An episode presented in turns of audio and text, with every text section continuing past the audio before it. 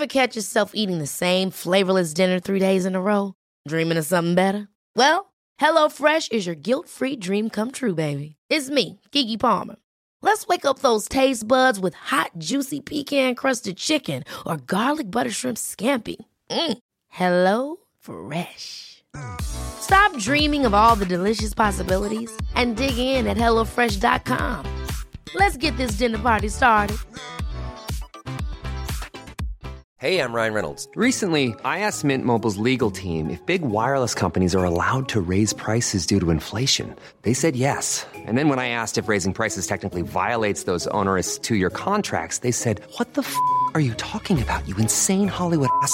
F- So to recap, we're cutting the price of Mint Unlimited from $30 a month to just $15 a month. Give it a try at mintmobile.com slash switch. $45 upfront for three months plus taxes and fees. Promo rate for new customers for limited time. Unlimited more than 40 gigabytes per month. Slows. Full terms at mintmobile.com.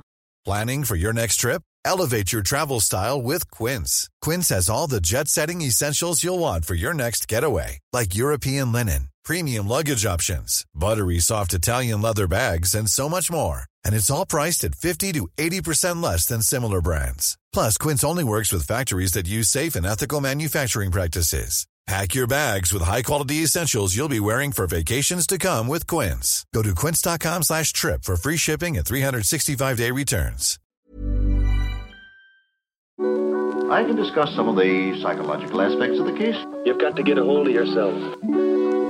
Now look here, Johnson, I'm going to get to the bottom of this. I can discuss some of the psychological aspects of the case. And you're really crazy, you know that? Oh, yes, I remember that. Is this any concern of yours? Stop, stop, stop it now. I mean it. Ja, hei, det er psykolog Sondre Livre her. Diagnosen er dessverre svært alvorlig. Det viser seg at alt du tenker og føler er feil. Du må for all del ikke stole på hjernen din, opplever er filtrert via nevroser fra ubevisste avkroker.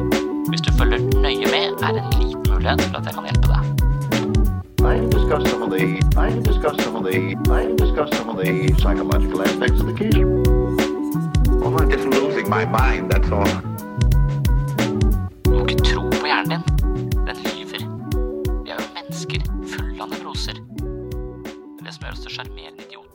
Hvis vi oppdaget et virus som forkorta menneskers liv med ca. sju år, så ville vi brukt enorme ressurser på å stanse viruset. Forskning på menneskers holdninger og forventninger til livet og alderdom har en effekt på vår forventede levealder som tilsvarer et slikt virus, men vi er likevel ikke så veldig opptatt av dette. Hvis du ser lyst på alderdommen, er sjansen for at du lever lenge og vel større enn hvis alderdommen er noe du møter med mismot og pessimisme. Faktisk kan holdningene våre til alderdom påvirke livslengden vår med opptil sju år, og her er det ganske robust forskning som støtter dette, noe jeg skal komme tilbake til i dagens episode. I løpet av den kommende timen skal jeg nok en gang dykke ned i det menneskelige operativsystem for å undersøke hvor mye våre holdninger faktisk påvirker selve livet, kroppen og helsa vår. En del forskning viser at hjernen egentlig kan betraktes som et apotek. Hvis vi forventer smertestillende, vil hjernen skille ut opioder som er med på å lindre smerten. Både bevisste og ubevisste forventninger vil altså påvirke hjernens eget nevrokjemiske apotek, og i den grad vi forventer smerte og sykdom, kan det bli en selvoppfyllende profeti, noe vi kaller nocebo. Motsatt vil mer optimistiske forventninger påvirke livet vårt i positive retninger, og det er dagens eh, tema, altså den såkalte forventningseffekten. Velkommen til en ny episode av Sinnsyn. Dette går i samme, samme gata. Det er litt sånn mind over matter-idé. Altså at holdningene våre, innstillingene våre osv. osv. De blir på sett og vis også toneangivende for eh, livet vårt. Og på et eller annet nivå så påvirker de virkeligheten. Vi nærmer oss sånne manifesteringsideer som er eh, en av de skadeligste tingene i selvhjelpslitteraturen, har jeg alltid tenkt. Og så er det jo noe ved det òg, da. Så det er den der cutoffen på hvordan vi skal forholde oss til disse, disse tingene. Så denne artikkelen den handler jo om at eh, alder bare er et tall. Så du er eh, rett og slett så gammel som du føler deg. Og da ikke bare på et subjektivt nivå, men på et objektivt nivå. Så Du kan tenke deg yngre. Det var det som var eh, selve ideen der. Og jeg vet ikke hvor, mange år kan du tenke deg yngre? Jeg tror de, det var et studie der som mente ca. 20. Ok. Og, og, og, det er jo eh, egentlig ganske mind-blowing på en måte, når du ser på forskningen på det. Og så, så må man liksom bare være litt sånn edruelig på hvordan skal vi forholde oss til dette. Hvordan skal vi tenke om dette med at det er det mentale operativsystemet som, eh, som, påvirker så mye i kroppen. Og så lurer jeg på om dette er, rett og slett er så for meg såpass uh, oppsiktsvekkende. Det er derfor jeg kommer tilbake til placeboeffekten. og alt dette. Det er oppsiktsvekkende fordi jeg er på en sånn innsylta i en sånn derre kartiansk dualisme hvor kropp og syke er to forskjellige ting. Jeg er bare en ånd i denne, i denne biologiske maskinen, og jo mer denne ånden kan overta styret denne biologiske maskinen, jo bedre er det. Men men så er jo andre idétradisjoner som sier at det er ikke noe forskjell på kropp og syke. Altså kropp og syke, ånd og, og Det er bare én ting. Så, så for, men så for oss er det sånn Wow, ideer kan påvirke virkeligheten. Altså noe ikke-materielt kan påvirke noe materielt. Det er sånn filosofisk sett litt merkelig. Så, men det er ikke så merkelig, for jeg kan bare tenke at nå skal jeg løfte den kaffekoppen. Og så skjedde det noe i virkeligheten. Kaffekoppen ble løfta ca. 10 cm opp. Det er jo egentlig bare en idé som påvirker materien. Det er noe ikke-materielt, og hva er en idé? idé? Da, da blir det, men, men, det er litt der vi, der vi er. også er spørsmålet da i hvilken grad kan vi etablere ideer som eh, er bra for oss, og leve et, leve et sunt liv. Når jeg så på den artikkelen, så så jeg at den refererte til en bok av David Robson som jeg hadde selv, og den heter The Expectation Effect, for den har ligget på New York Times bestselgerlister som nettopp en sånn type det er en gravende journalist som tar for seg forskningen på hva vil forventningene våre til livet ha å si for hvordan livet vårt utfolder seg. Og Spørsmålet han eh, stiller er eh, altså, i hvor stor grad kan mindsetet vårt påvirke de faktiske forholdene i livet? Og i hvor stor utstrekning er det slik at det selvoppfyllende profetier former livet vårt?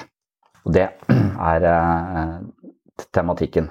Og da går man jo rett inn i det mentale operativsystemet, og så ser man litt vekk fra følelser. Det er litt sånn den kognitive psykologien opererer, for dette er veldig sånn kognitivt. Det er veldig opptatt av tanker og mindset og sånn. Og så er jeg litt usikker på uh, hvordan de Altså, de forholder seg ikke fullt så mye til hvordan følelsene eh, spiller inn. Men eh, noen tenker bare at følelser egentlig bare er tanker vi har tenkt tidligere, som dukker opp på automatikk. Og så opplever vi det på en bestemt måte som en følelse, men det er egentlig bare en vurdering vi har gjort. En kognitiv vurdering vi har gjort på tidligere tidspunkt, som vi bruker i nye situasjoner som ligner, for å slippe å ta stilling på nytt og på nytt og på nytt, og på nytt, og så kaller vi det en følelse.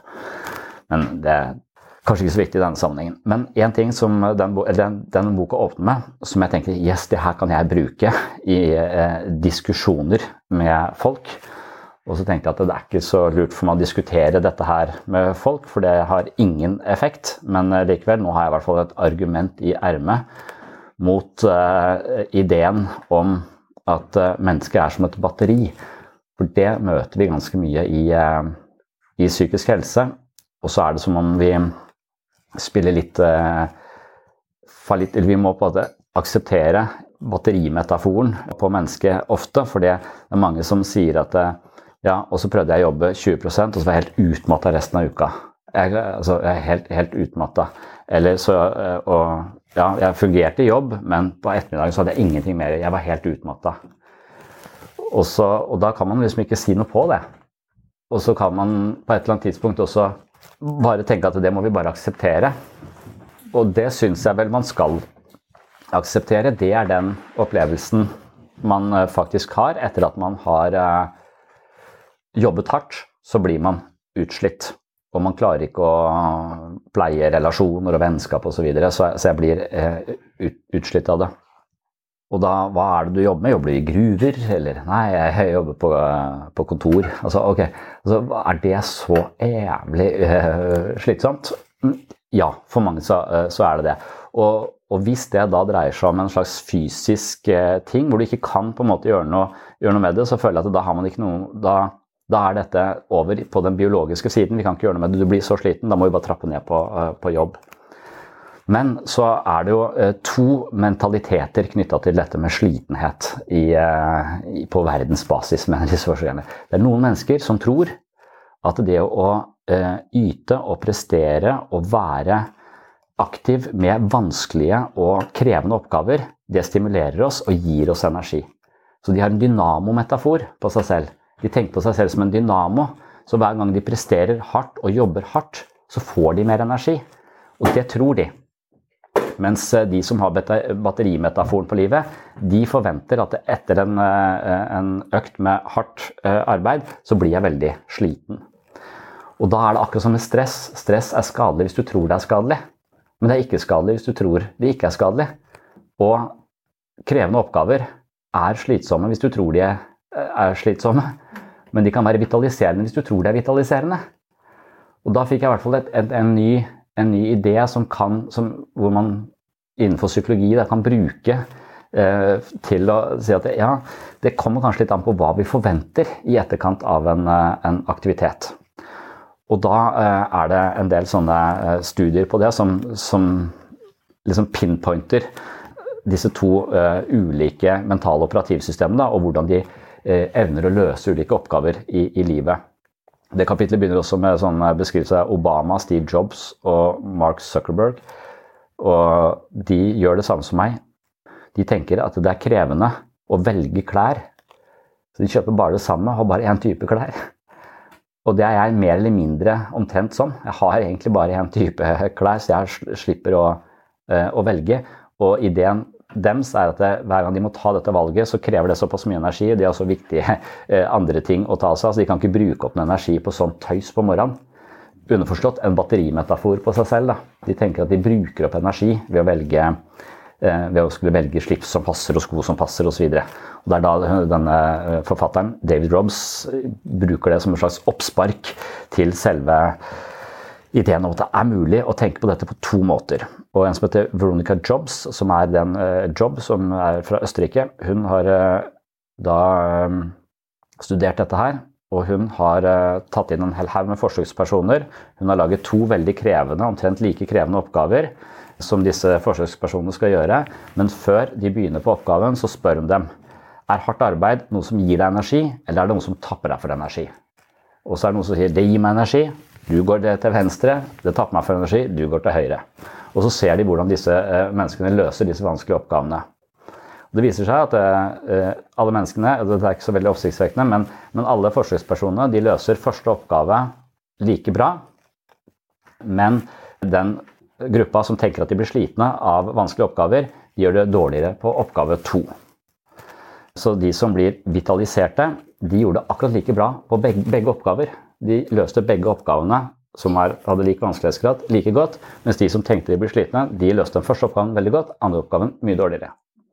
Så Det er klart at det er måten de, de, de, tenkte på. Og, og da kan si ja, men kanskje det kan fortsatt være noe fysisk her som gjør at de faktisk blir mer slitne. Men så kan du prime dette her. Du kan, ta, du, kan, du, du kan ta, bare en hel haug av folk, og så kan du rett og slett prime de inn i den ene eller andre mindsettet før oppgaven. Og vil du da se en forskjell? Så det betyr at du tar en ny gruppe med mennesker, stor, men istedenfor å spørre dem hvordan de tenker, om de er en dynamo eller et batteri, så, så får de da en, en, beskjed om at eh, den første gruppa får en beskjed at hardt arbeid det uttømmer våre mentale ressurser og gjør oss slitne. Men nå skal du løse to krevende oppgaver, men du kommer til å sannsynligvis bli ganske sliten av det. Mens den andre eh, gruppa får vite at det, det, er bevist at hardt og krevende arbeid stimulerer og vitaliserer hjernen vår såpass mye at effekten kan overføres til den neste vanskelige oppgaven du skal løse. Så de får den stikk motsatte, eh, motsatte beskjeden. Og de som da leste det vitaliserende utsagnet, de gjorde det godt på første oppgaven, og de gjorde det godt på andre oppgaven, sånn som den andre, andre gruppa. Men i dette tilfellet så gjorde de det dobbelt så bra på oppgave to som de som tenkte at de ble slitne. Og det var på tvers av hva slags mindset de hadde fra før. Så hele ideen om hvordan jeg skal reagere på den første eh, oppgaven her, har rett og slett en, eh, en helt klar effekt på hvordan de løser. Så dobbelt så bra ganske mye. Altså dobbelt så bra på, på oppgave to, hvor det ikke var noe galt med ferdighetsnivået her. For de løste, det var like vanskelige oppgaver, og de løste det likt på den første oppgaven. Mm. Så jeg vet ikke om dynamo står ikke noe om, det er bare sånn jeg tenkte om det. Altså jeg har bare tenkt at en dynamo det liksom, den, den, lager energi når den brukes, på en måte. Den, men det er kanskje ikke noe god metafor. Men batterimetaforen tenker jeg ofte at det ligger litt latent i, i kulturen vår, kanskje, og at jeg møter veldig mange mennesker som har en sånn batteriidé om seg selv. Jeg, og jeg lurer på om det, det fører til ganske mye uhelse, i du ofte sparer litt på kreftene. Jeg, jeg må, må, ikke gjøre sånn at vi ja, at man porsjonerer ut og er litt forsiktig, trekker seg litt unna, unngår en del litt vanskelige oppgaver, for det, det, kan, det kan, liksom tappe meg for, for, energi. Sånn at man går rundt og sparer på energi.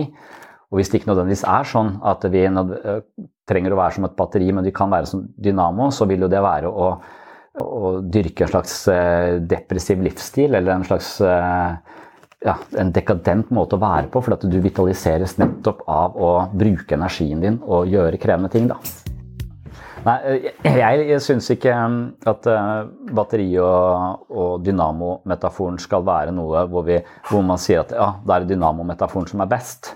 Fordi at jeg mener at da nekter du for at det er en kropp her som trenger restitusjon. Så, men, men, poenget mitt er bare at det er, det er to mindset som, som, forteller hjernen og forskjellige ting, som igjen på en måte administrerer opplevelsen vi har av ulike ting. Så hvis vi er på den ene eller på den andre siden her, skakt, så tror jeg vi skal vite om at det er en annen måte å se ting på også. Mens hvis du bare går for dynamo-metaforen og bare jobber og jobber jobber, og mer, jobber og mer, da, da høres det ut som du altså da, da, er du blant de som ligger nede på bystranda her med hjertestans etter et eller annet sånt triatlon, eh, og du er liksom på Og så dauer du på en måte. Jeg, jeg tror, hvis du ikke tar hensyn til at du også trenger restitusjon. Så jeg tror, tror, bare vi skal ha begge igjen. Det er en slags balanse mellom disse to metaforene på seg selv. For du, du trenger å hvile. Du trenger å, som vi snakket om sist, altså Hvis du bare tenker at det, det, å bekymre seg eller det å gruble og det å løse problemer i hodet sitt ikke egentlig er en aktivitet, men noe jeg kan gjøre hele tiden og noe jeg bør gjøre hele tiden for å være på ballen, så er det som jeg mener, som å gå til, altså flytte til Nord-Norge og gå hele veien uten pause. Altså, du, du, er nødt til å ta noen pauser fra ting. Du er nødt til å restituere hodet, du er nødt til å restituere kroppen også. Men, eh, men hvis du blir for opphengt i den, eh, den batterimetaforen, så, så, tror jeg at, eh, at, du langsomt visner som menneske. Og det er jeg litt redd for. er, Ofte så får man jeg har fått beskjed av legen om å ta det rolig. Er du sikker på det? Det er veldig sjelden leger sier.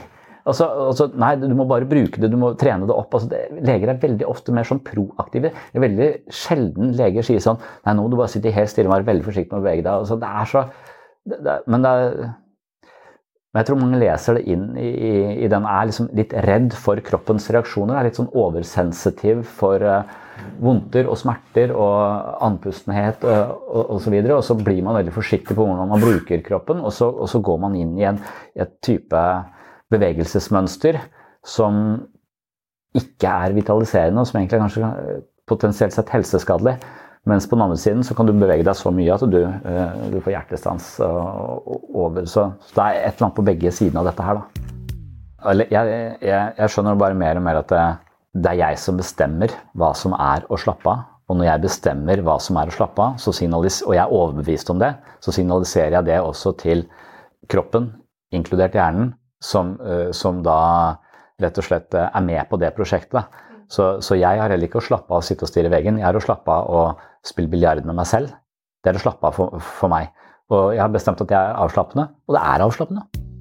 Men for å klargjøre dette, så, så må vi bare tilbake til placeboeffekten. For det ga meg også Det har vi snakket om mange ganger, men denne gangen så ga det meg enda mer sånn Å ja, det er her denne sammenhengen er. For det det er som om det å forstå dynamikken i placeboeffekten høres ut som vi bare innbiller oss at vi er et uh, batteri, og så, og så, er det en innbilning at vi er slitne. Men jeg tror ikke det er en innbilning at vi er slitne. Jeg tror vi er slitne. Og hvis vi innbiller oss at vi blir vitalisert, så tror jeg vi er vitaliserte. Rent fysisk sett. Jeg tror ikke det er noe sånn at du innbiller deg ting.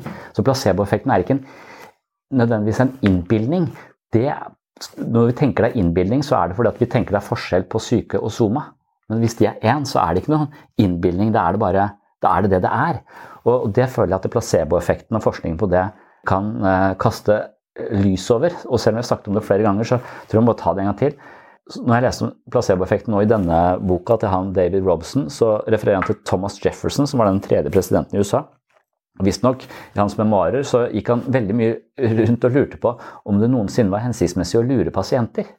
Jeg vet ikke hvorfor han tenkte så mye på det, for han var jo filosof og han var liksom ikke Jeg tror ikke han var lege, så, så, men han lurte på om det var hensiktsmessig å, å, å lure mennesker, eller pasienter, lurte han eh, spesielt på om leger kunne det. Og, og det spørsmålet har liksom det krediteres han på en eller annen måte, og så har det spørsmålet som blir tatt opp, og det er noe vi har lurt på hele veien. Og så er det i første verdenskrig at det, at det er en som heter Henry Beecher virkelig eh, får liksom coina dette med placeboeffekten. For han var lege under første verdenskrig, og han var ute i felten, og der kom det jo folk inn med skuddskader og eh, masse drit. Så han måtte jo operere eh, på folk under ganske vanskelige forhold. Og så gikk han tom for anestesi. Han hadde ikke mer bedøvelse. Det var mangelvare. Så han, måtte, eh, han visste ikke helt hva han skulle gjøre. altså Han hadde ikke mer morfin. Han skulle likevel operere eh, eh mennesker og hente ut ting inni kroppen deres. Eh, skudd og faenskap. Og Han visste ikke helt hva han skulle gjøre, men så kom han på jeg vet ikke hvordan han kom på det, for det står ikke beskrevet, men han lagde i hvert fall en sånn saltoppløsning. Vann og salt. et Eller annet sånn, eh, eller om det var en sånn type oppløsning som ikke hadde noen virkestoffer overhodet. Men det, eh, han ga det til eh, soldatene som om det var bedøvelse. Så de fikk denne oppløsningen initiert, eller jeg vet ikke helt hvordan de, eh, hvordan de fikk det. Og så kunne han operere på de med 90% av den samme effekten som morfin hadde. Så disse menneskene som hadde fått placebo-morfin, de opplevde ikke smerte under operasjonene. Og det kunne han se fordi at pasientene døde ikke. Fordi det, hvis du opererer på folk som ikke er bedøvd, og de veit om det, så får de ofte hjertestans. Det er veldig at Hjertet stopper og går i sjokk, og det er jævla mye drit som skjer. Men hvis de tror de er bedøvd, så kan du operere på det Eh, på dem på samme måte som du kan med en pasient som har, er faktisk dødd med morfin. Og det er eh, bemerkelsesverdig. Så Henry Beecher, han som coina placeboeffekten, sa at eh, denne oppløsningen som ikke har noen eh, virkestoffer i seg, den har 90, eh, ja, den er 90% av effekten til ekte morfin. Det er merkelig. Og Så tar man det videre, så sjekker man f.eks. Parkinson-pasienter. De skjelver mye, visstnok pga. dopaminmangel. Hvis du da gir dem dopamintilskudd, så dempes symptomene på skjelvingen. Det er eh, eh, fint, det er medisinsk, det forstår vi. Men hvis du gir dem placebomedisin, altså medisin som ikke har noe dopamintilførsel i det hele tatt, så får de 30% reduksjon i skjelvingene. Så det er som om de tar medisinen, og de får faktisk en effekt selv om de ikke har virkestoffer i medisinen. Dette er placeboeffekten, og man regner med at den står for 30% av nesten all medisin. Øh, den står for 100% av øh, effekten på alternativ med seg. Og da er spørsmålet er dette her magisk.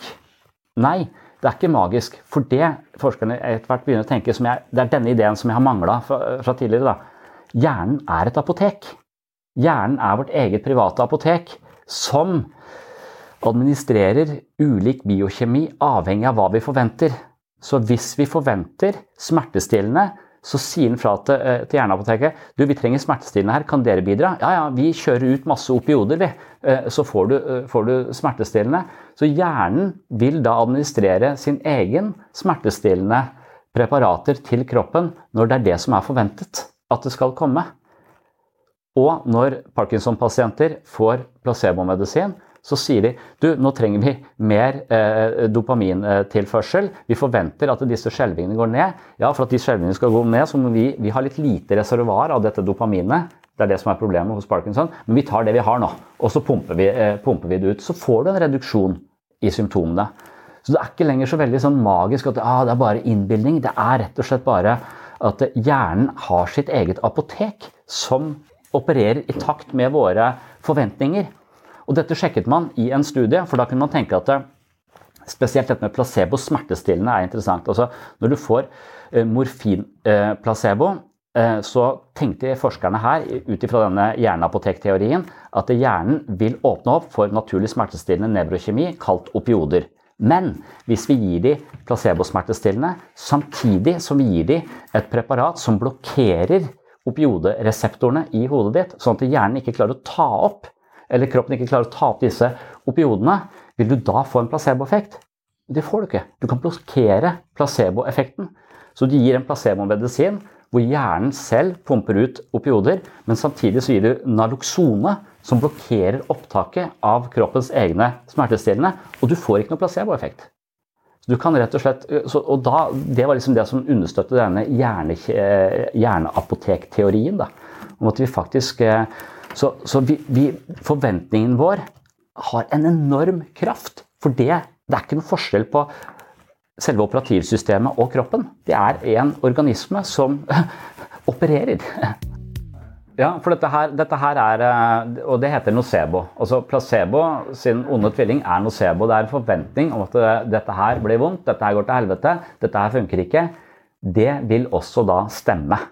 Du får litt det innstillingen din eh, tilsier. Og, og, nocebo er det også forsket masse på. Bl.a. Et, et preparat som heter finasterid mot forstørret prostata. Altså Det er de som tisser mye på natta. Meg, f.eks. Så jeg måtte finne ut av hva slags medikament. Og Der står det en veldig sjelden bivirkning ved denne forstørra prostatamedisinen. Den er ereksjonsproblemer. Men det er veldig få som får ereksjonsproblemer. Med mindre du forteller folk at de kan få ereksjonsproblemer. For da vil altså menn som får vite at det her er medisin mot forstørra prostata, bivirkning, ereksjonsproblemer, én av tre får det. Mother's Day is around the corner. Find the perfect gift for the mom in your life with a stunning piece of jewelry from Blue Nile. From timeless pearls to dazzling gemstones, Blue Nile has something she'll adore. Need it fast? Most items can ship overnight. Plus, enjoy guaranteed free shipping and returns. Don't miss our special Mother's Day deals. Save big on the season's most beautiful trends. For a limited time, get up to 50% off by going to Bluenile.com. That's Bluenile.com. Hey, I'm Ryan Reynolds. Recently, I asked Mint Mobile's legal team if big wireless companies are allowed to raise prices due to inflation. They said yes. And then when I asked if raising prices technically violates those onerous two year contracts, they said, What the f are you talking about, you insane Hollywood ass? So to recap, we're cutting the price of Mint Unlimited from $30 a month to just $15 a month. Give it a try at mintmobile.com slash switch. $45 up front for three months plus taxes and fees. Promoting for new customers for limited time. Unlimited more than 40 gigabytes per month. Slows. Full terms at mintmobile.com. Burrow is a furniture company known for timeless design and thoughtful construction and free shipping. And that extends to their outdoor collection. Their outdoor furniture is built to withstand the elements, featuring rust-proof stainless steel hardware, weather-ready teak, and quick-dry foam cushions. For Memorial Day, get 15% off your Burrow purchase at burrow.com slash ACAST and up to 25% off outdoor. That's up to 25% off outdoor furniture at burrow.com slash ACAST.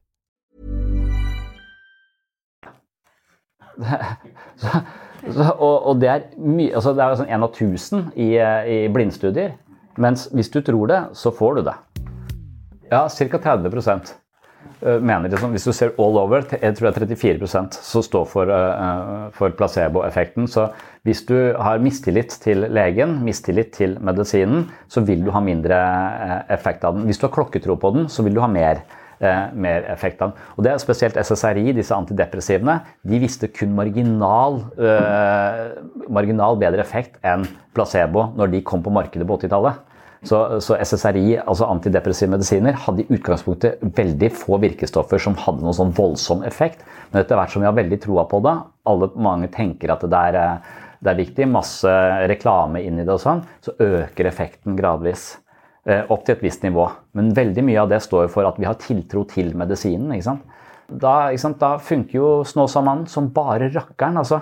Og jeg, jeg, skjønner at det fungerer. Jeg skjønner at Snåsamannen eh, har varme hender og helbreder folk. Og det er egentlig ikke noe galt i det, så lenge han ikke veit at det er humbe. Så, det eneste gale med det er at han sier det kommer fra Gud.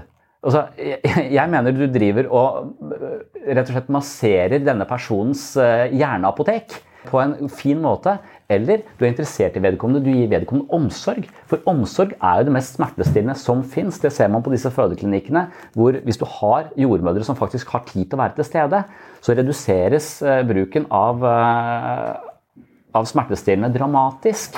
For det er mest smertestillende å ha et annet menneske, menneske der. Snåsamannen! Kom, fordi guttungen ringt. Men kan du klare dette? Jeg kan ikke love noe, men uh, jeg skal se hva jeg kan gjøre.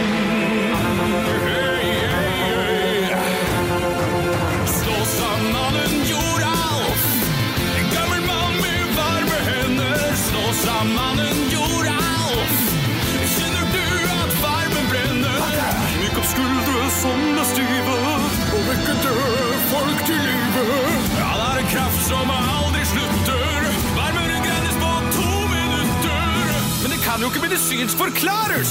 Stå sammen en jordalf. Han brede kjendisvenner. stå sammen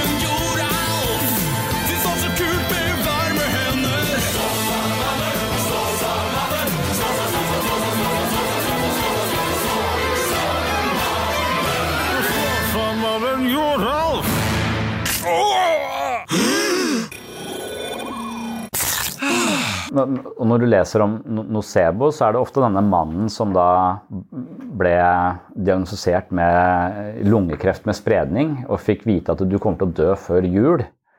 Men så overlevde han akkurat jul, men han døde i januar. og når de, Under obduksjonen så finner de at han har ikke lungekreft. Han har en liten svulst på leveren, men ikke i nærheten av noe som vil ta livet av denne mannen. Og det er, han, spesielt han er det forsket mye på, for der mener man at det har vært en veldig sånn Kroppen har rett og slett bare bestemt seg for at nå er det slutt. For det, den ideen er så sterk. da. Så du kan dø av nocebo-effekt. Det er liksom det skrekkeksempelet som de, som de trekker, trekker frem. Men så, så, så da har du, du har både og her. Du har noceboen som kan eh, plage oss ganske mye, og så har du eh, placeboen som kan gi oss ganske mye effekt. Og jeg tenker sånn som Durek f.eks. Altså den medaljongen til 2000 spenn som ikke gir deg korona, den funker jo. Altså, altså, og det er jo det som er problemet med disse eh, alternative medisinerne. at hvis, hvis denne hjerneapotekteorien har noe for seg, så vil denne eh, medaljongen til Durek som ikke gir deg covid, den vil si til hjerneapoteket at nå må vi etablere alt vi har av immunforsvar her. For vi skal ikke ha covid. Så, så at denne på et eller annet overbevisningsnivå eh, etablerer ditt eget immunforsvar fordi du har fått den av eh, mannen til prinsessa, og, han, og, og har troa på det, så vil det ha en viss effekt. Men greia, og da er spørsmålet men kan, Kunne han solgt det da med altså Jeg selger medaljonger. De har ingen, ingen effekt. selvfølgelig. Det er ikke noe stråling i denne medaljongen som tar vekk covid. Men det vil, eh, hvis du tror på det, etablere veldig mye ressurser i ditt eget eh, mentale apotek og sørge for at du står litt bedre rusta i møte med dette viruset. Ikke garantert du ikke får det. Så kjøp deg, kjøp deg en medaljong, men ikke kjøp Durek. Altså, kan du ikke bare lage deg din egen? Det er irriterende når folk tjener penger på, på dette her på en sånn måte. På den annen side så er det det leger gjør òg. Altså, det er jo jævla mye placebo i de medisinene som vi får i skolemedisin også. Så det er liksom ikke noe Men de har liksom gått inn og sett at her er det også noen virkestoffer. For de har nettopp prøvd å korrigere for placebo og se er det et virkestoff her. Og når du har et virkestoff i tillegg til placebo, så fungerer det bedre. Når du bare har krystaller uten virkestoffer, så har du bare placeboen igjen. Men det er også virksomt, på sett og vis. Men jeg tenker litt at, at jeg opererer ut ifra Innenfor psykologi så tenker man at placebo er noe du skal bruke for alt det er verdt. Hvis noen har tiltro til deg, bruk det. Altså det, det, er ikke noe du skal idealisering og Nei, bruk det for det det er verdt. Altså, og det gjør jeg helt konsekvent. Når folk kommer til meg og skal ha gruppeterapi, så prøver jeg å formidle på, på en eller annen subtil måte at dette er det beste i hele verden. Det å jobbe på ulike deler, være med i trening, være her sånn. Jeg formidler det som om det er saliggjørende for alle mennesker i hele verden. Og, og det, det, gjør jeg litt bevisst, for jeg tenker at jo mer energi og mer mening og tyngde jeg legger i dette prosjektet, jo mer effekt vil det ha for de som deltar her. Jo mer energi vil de legge inn i det, og jo mer eh, effekt får vi ut av det. Men jeg tror også på det. Jeg tror på gruppeterapi, jeg tror på å trene, jeg tror på disse tingene, men, men jeg overspiller det. Litt med vilje, på, på en måte. Men det er, det er, ikke sånn at jeg føler at jeg lurer noen. Jeg, og da lurer jeg på meg litt sånn som Snåsamannen. At, jeg, at, jeg, at jeg vet at det har en viss effekt, dette her, men jeg overspiller det litt. For jeg vet at jo mer jeg overspiller det, jo mer effekt har det. Ja. Nei, derfor føler jeg, ikke at jeg, jeg føler ikke at jeg lyver til folk. Jeg føler at jeg kan stå inne for det, for jeg mener at det er veldig, veldig viktig. Men jeg vet også at det er et element som bør trekkes fram. Akkurat som når jeg går til fastlegen min, så hvis at jeg skal ha mest mulig ut medisin, så, så, mener i hvert fall han som har skrevet denne boka, at da bør fastlegen din fortelle deg Først bør du vite hva denne medisinen er for, og hvordan den skal hjelpe deg. Og så bør du visualisere hvordan den kommer til å avhjelpe mine symptomer. Hvordan dette her kommer til å funke. Det kan hjelpe. Og så bør du få vite hva er det i denne medisinen, hva slags virkestoffer er det her som skal hjelpe min situasjon. Og så bør legen forklare deg om de virkestoffene. Og hvis du får en forståelse av hvordan de virkestoffene skal fungere på dine reseptorer, bla, bla, bla, så vil det gi deg mer tiltro til medisinen, og igjen så vil det da høste en, en større grad av effekt, i tillegg til at du kan snakke med noen andre som kanskje har tatt medisinen med god effekt. Det vil også, Så alle de tingene der sånn, er jo på sett og vis ikke løgn. Det er en slags eh, poengtering av alle de positive. Det er det motsatte av å lese pakningsvedlegget, da, hvor det står alle bivirkningene. Så, så, legen bør nok i hvert fall eh, si at vi mener at vi kan stå inne for dette her fordi det, det og det og det. Og det, og så, og så får du en, en, tiltro til den uh, medisinen. Og hvis du da har en sånn grunnleggende skepsis til autoriteter, og kommer på et legekontor og tenker at det her er uh, er skolemedisin, og de lurer alle, liksom, så tror jeg at medisiner har litt lite effekt på deg. Og at du får litt lite ut av, av besøket.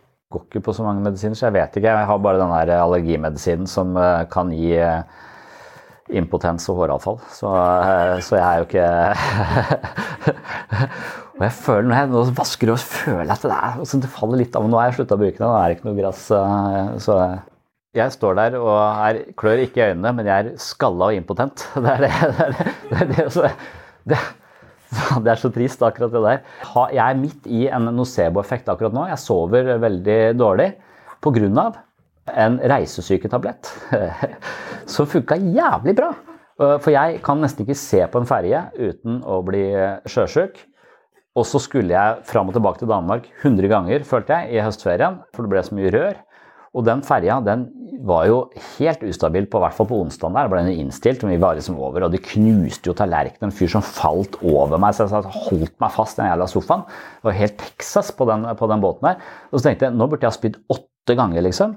Men jeg spydde ikke i det hele tatt. Jeg var ikke kvalm pga. den bitte, bitte lille reisesyketabletten som jeg fikk anbefalt av noen rett før. Så jeg sa den her funka som bare rakkeren for meg. Tok jeg den, og jeg har, så nå er jeg ikke redd for båt lenger. Jeg kan bare ta den pilla. Men så var det øh, noen andre som sa kona mi ja, og jeg ble ikke trøtt av den heller. Du ble ikke trøtt av den? Blir man trøtt av den? Ja, det, det, er mange som sier det. Så spurte jeg de andre. Ja, ja, jeg sov, i, jeg sov i 15 timer etterpå. Så var det fire stykker ble drittrøtte. Og da ble jeg også ganske trøtt, så jeg sovna og sov altfor lenge. Og etter det så har jeg liksom ikke kommet tilbake i søvnmønsteret. Så nå mener jeg at det er pga. den pilla at jeg har kommet ut av søvnmønsteret mitt. Får ikke sove, så nå forventer jeg ikke å få sove hver eneste kveld. Jeg får faen ikke sove heller. Så nå er det nocebo-effekten som har på en måte utkonstruert den. Nå ble jeg ikke kvalm, jeg får ikke sove. Jeg vet det! Men jeg tror likevel at den har en påvirkning. ja, og der kommer vi til problemet. Hvordan skal man overbevise eller hvor, hvor, altså Jeg har aldri vært noen særlig tilhenger av positiv psykologi. Bare fortell deg det og det og det og det. Og så, og så er det så, så, Men jeg føler litt at her skal vi tviholde på noen ideer som er bra for oss, og så skal vi ignorere noen ideer som er dårlige for oss. For det er nettopp den typen beskjeder som når inn til hjerneapoteket, som gjør at kroppen min er i balanse. da. Men så, så blir jeg litt sånn, nesten litt stressa for måten jeg tenker på. Litt sånn som jeg blir på når jeg leser bøker om søvn, da, hvor viktig det er å sove. Å ja. Og så bare må jeg ja, det, er, det, verste jeg gjør, er å lese hvor viktig det er å sove. For da får jeg ikke sove.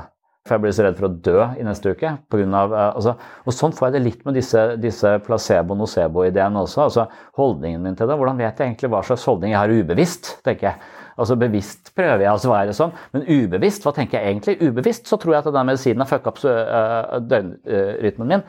Derfor så ender jeg tilbake på alt jeg tenker og føler er feil.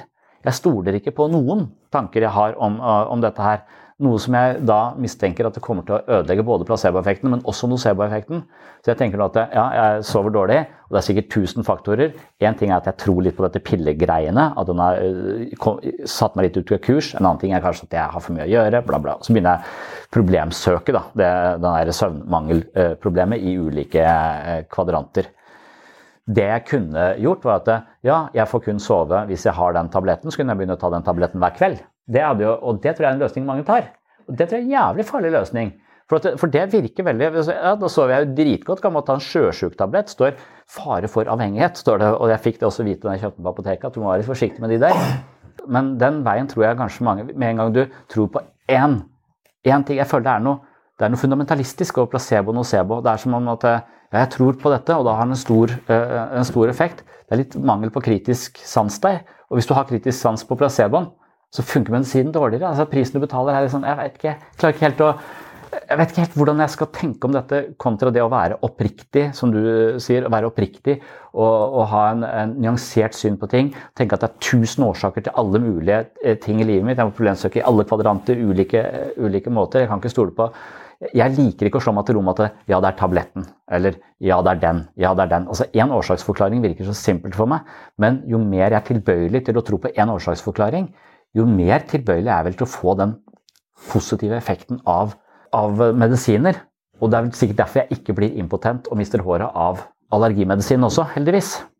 For jeg, hvis jeg hadde trodd på én idé, så hadde jeg jo vært impotent og skalla, tenker jeg. For det har jeg gått på i mange år. Here's another naive advertising man's question again. And this shows that engineers, medical people, scientific people have an obsession with solving the problems of reality. When actually, most problems, once you reach a basic level of wealth in society, most problems are actually problems of perception. So I ask another question what on earth's wrong with placebos? They seem fantastic to me. They cost very little to develop, they work extraordinarily well. Um, they have no side effects, or if they do, they're imaginary, so you can safely ignore them. So I was discussing this, and I actually went to the, the Marginal Revolution blog by Tyler Cowen. I don't know if anybody knows it. Someone was actually suggesting you could take this concept further and actually introduce placebo education. The point is that education doesn't actually work by teaching you things. It actually works by giving you the impression that you've had a very good education, which gives you an insane sense of unwarranted self confidence, which then makes you very, very successful in later life. So, uh, welcome to Oxford, ladies and gentlemen. Um, now, Nei, som sagt, altså, Jeg, eh, jeg syns det er uh, vanskelig å litt vite hvordan jeg skal bruke disse ideene. For jeg, jeg kommer liksom inn på at ja, det er bare tankene dine. Du bare endrer tankene dine, så endrer du, endrer du livet litt. Og jeg syns den ideen Det er fordi at jeg var på et universitet hvor de kalte det Ikea-psykologi. Det er for enkelt. Og, og, det kan godt være at placeboeffekten har en ganske begrensa varighet. Da, sånn at du sier at den, den vil kun vare en, en, viss, um, en viss periode. Men hvis du ser på den mer sånn gjennomgripende placeboen som vi snakket om, det å være moderat optimist kontra realist og pessimist, så, så viser det at moderate optimister lever lenger, liksom. Og det er det som var selve, i, selve utgangspunktet for denne artikkelen også, at det, du kan tenke deg til et lengre liv. Og det er liksom sånn Ok, så det er innstillingen din til livslengden din kommer til å spille en rolle på livslengden din. Og hva er det for noe? Og da tror jeg vi igjen er i litt den der hjerneapotek, eller rett og slett at kropp og syke er ett. Så innstillingen vår har, den er like mye uh, med på å forme hele livet vårt som uh, hvor mye vi beveger oss, hvordan vi beveger oss. Alt dette her spiller liksom helt, helt sammen. da. Og det der med livslengde og placebo, eller du kan tenke deg til et lengre liv, det kommer fra den studien til Ellen Langer, som skrev denne mindfulness-boka, som jeg, vi har snakket om ganske mange ganger tidligere. Jeg likte den mindfulness-boka. Eh, og Ellen Langer hun, hun, har vært lenge i dette gamet, jobber på Harvard og, og, har forsket eh, Og den studien han refererer til, i, som kanskje så vidt sto i den artikkelen, det er jo disse gamle folka som skal inn på et kloster. Og den, den studien ble gjort i 1979, når jeg ble født. Og de folka som eh, Da tok eh, Ellen Langer hun tok 70- eh, og 80-åringer, eller folk som var mellom 70 og 80 år, og putta de inn på et kloster. og De skulle være der i én uke, men det klosteret var staged som om det var 1959, altså 20 år tidligere. Så alle aviser, alle interiør, alle klærne de skulle ha på seg, alt sammen var som om de var 20 år tilbake i tid. Og så hadde hun to grupper, selvfølgelig. Og den ene gruppa fikk vite at dere skal late som om det er 1959. Dere skal leve som om det er 1959. Dere skal snakke om de tingene som opptok dere i 1959. Dette var 70-80-åringer. Eh, så de skulle tilbake. De skulle i en tidsreise. De, de, levde som om det var det. Så tok de bilde av de før de dro inn på klosteret, og så tok de bilde av de etterpå. Og når de da kom ut av dette, dette klosteret, så, så, tok de bilde av det igjen, og så tok de folk som ikke var med på studien, og sa hvilke av disse menneskene tror du er eldst? Og da samtlige sa at, at, de som kom ut av klosteret etter en uke, så yngre ut enn da de kom inn. Altså, men ikke den gruppa. altså den Gruppe nummer to de fikk bare vite at de skal mimre tilbake til 1959.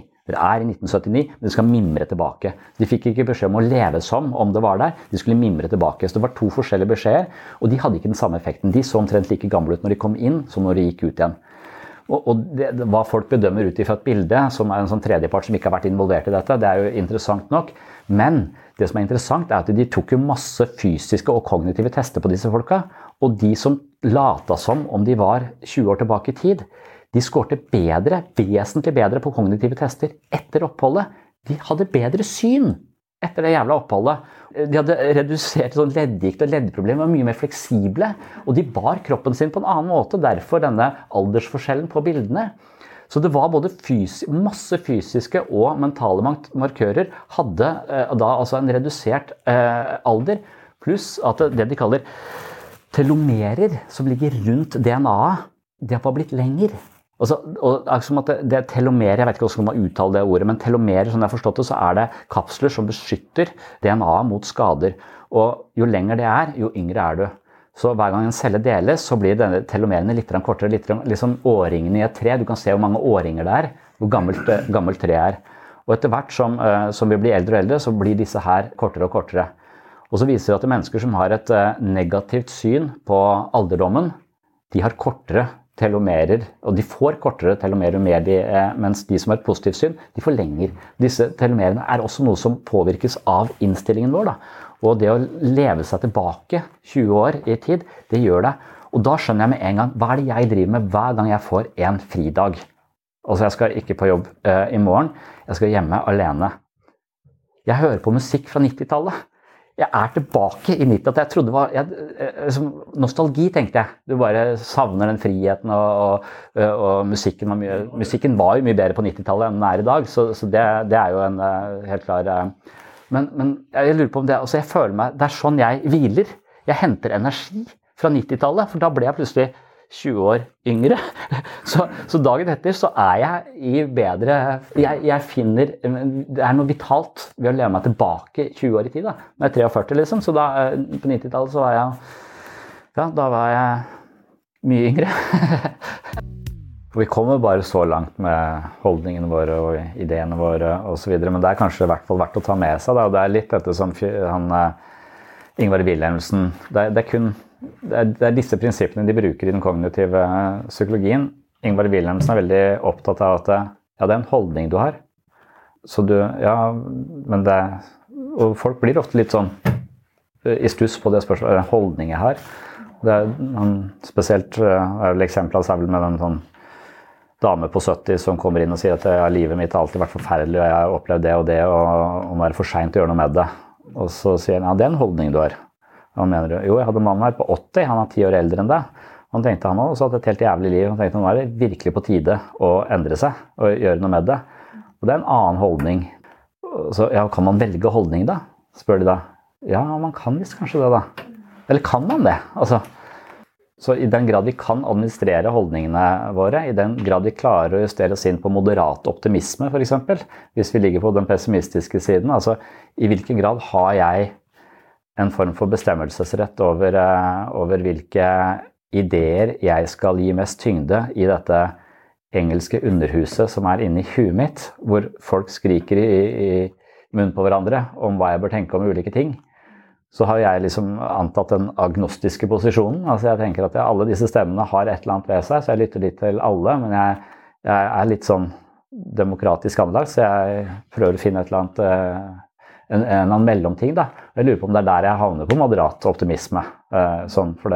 Men hvis du da har et underhus fullt av negative stemmer fordi du har erfart at folk kjefter på deg, at du får beskjed om at du ikke er god nok, så er du kanskje Du har kanskje ikke en regjering som tjener deg vel på noen måte, så alle stemmene er egentlig på den negative, negative siden. Da har du kanskje en ganske stort uh, problem å justere deg inn på moderat optimisme. Da må du ansette noen andre politikere i huet ditt, på, på sett og vis. Da. Og det er da Ingvar Wilhelmsen Det er en holdning du har.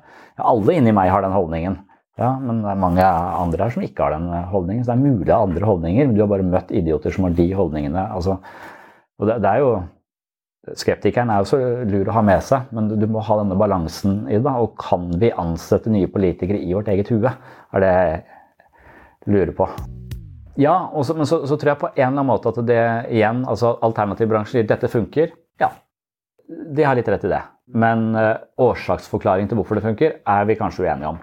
Men, men jeg tror også at det, det fins mennesker som mener at genmaterialet vårt, også dette med epigenetikk, at det er mulig å skru på av ulike gener. Sånn at du under de, de, omstendighetene, under den måten å, eller under de erfaringene, den måten å tenke på, den måten å bruke hodet ditt på, så vil de og de genene aktiveres. Mens i andre omstendigheter så kan det være at de hadde ligget eh, latente og ikke eh, blomstra opp i en eller annen form for sykdom. Så at man til og med på et slags genetisk nivå i dette hjerneapoteket har en eller annen form for påvirkningskraft. Kan du si selve Med en gang du bare spiller ut at ja, kreft, det fikk du fordi du har feil holdning til livet. Med en gang du er på det nivået, så er du, så er du helt far out. ikke sant? Så, så, det er jo ikke det, men at dette er, holdningen vår er én av tusen faktorer til at vi får kreft. Men holdningen er også en faktor. Det er også en faktor i behandling av kreft. Det er en, også en faktor i troa på dine egne prognoser det, det en, er, du kan ikke tenke deg frisk fra kreft. Du kan ikke ha positiv holdning til livet og bli kvitt kreft. Jeg blir ikke helt avklart med dette. Jeg syns det er et vanskelig eh, tema. Men, eh, men jeg synes for, for, på en eller annen måte så, så, tenker jeg at vi ofte fighter nocebo-effekten i systemet her. Og så prøver vi å dra veksel på placebo-effekten for alt den er, er verdt. Men så er det noen områder som er liksom utrolig betente i psykisk helse. og Nå hørte jeg en sånn podkast med Harald Eia og eh, Tore Sagen. Og, og, de, og Harald Eia elsker å snakke med folk som fagfolk innenfor andre områder enn han selv, og spesielt leger. Og når leger skal si noe hemmelig om faget sitt, så senker de stemmen, sier han, så da hvisker de litt. Og når leger senker stemmen aller mest, det er når de snakker om ME. og, det, og det er fordi at alle leger vet at ME ikke fins.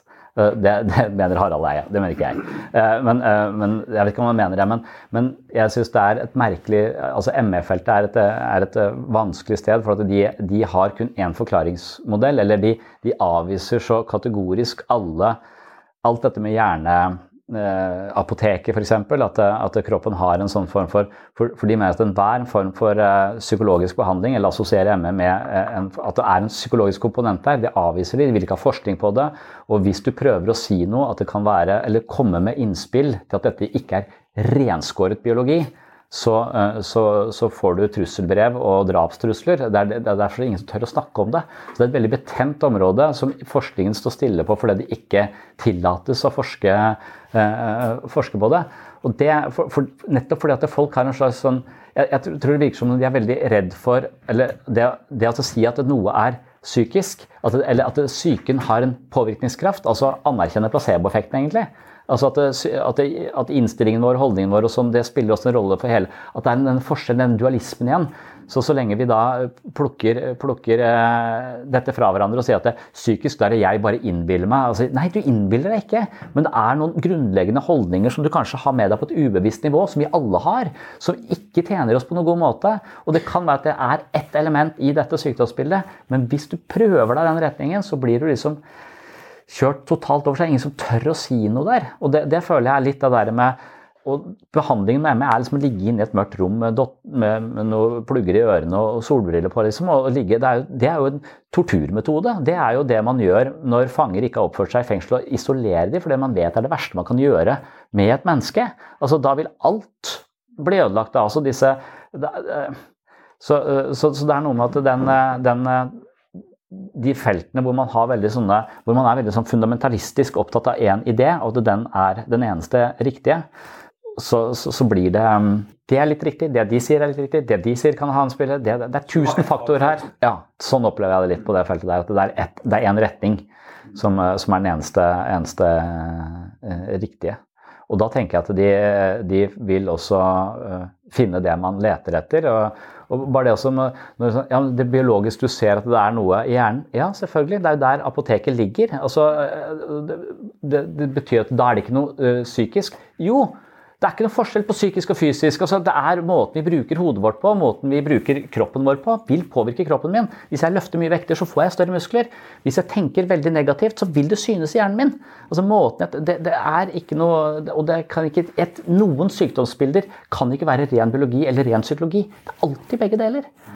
Det også, liksom, jeg, syns det er så frustrerende at, det, at det finnes noen som da sannsynligvis drar veksel på en enorm nocebo-effekt. Hvis vi tenker på batteri, og det var liksom der jeg kom til ME, da, batteri, eh, dynamometaforen. Dynamometaforen, da blir du skutt i det området. ikke sant? For dynamo, det, det er så, Hver gang du bare beveger hendene litt over kroppen, så vil du få straff, og du vil være helt utmatta. I, i, også, hva med denne forventningen til utmattelsen også, da? Altså, har den ingenting å si akkurat dette, eh, dette feltet? Eller kan den ha noe å si for noen, i hvert fall? Og skal de få lov til å prøve ut den eh, Men, eh, men der er batterimetaforen har hegemoni, og det er Da er jeg redd for en enorm nocebo-effekt som, eh, som, virkelig kan skade. Jeg tror samfunnet har ideer som kan skade oss på en ganske dramatisk måte, på, eller har veldig sånn, mye nocebo ved seg. Og så har vi sikkert mange ideer i samfunnet som har mye placebo ved seg.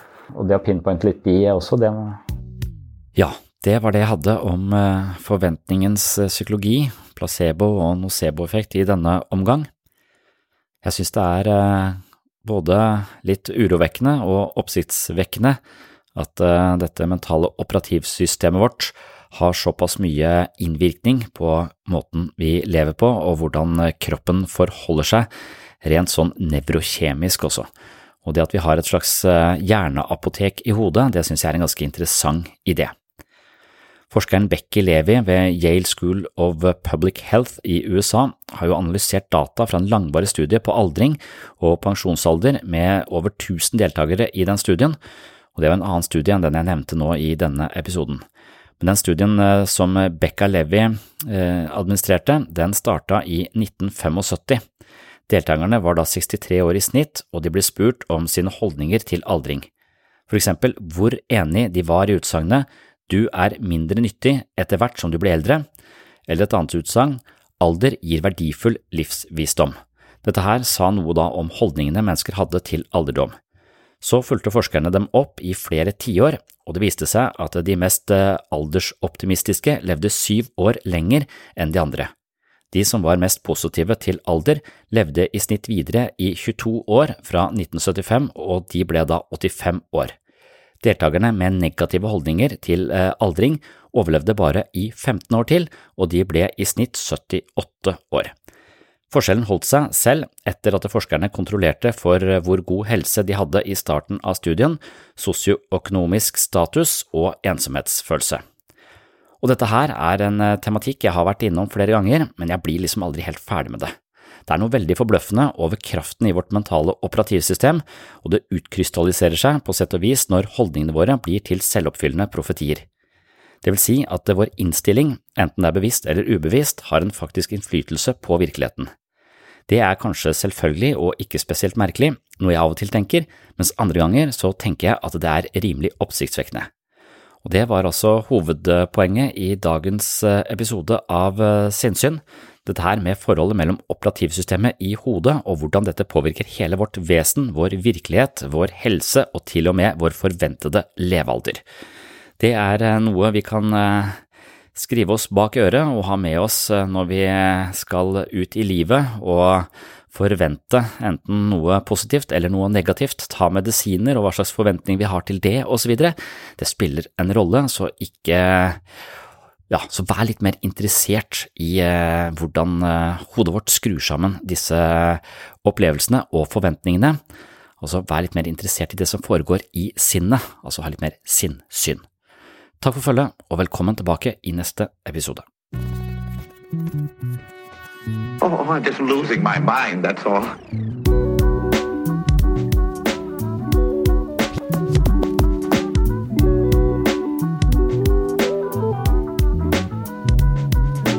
I can discuss some of the I can discuss some of the I can discuss some of the psychological aspects of the case. Psycho, psycho, psychological aspects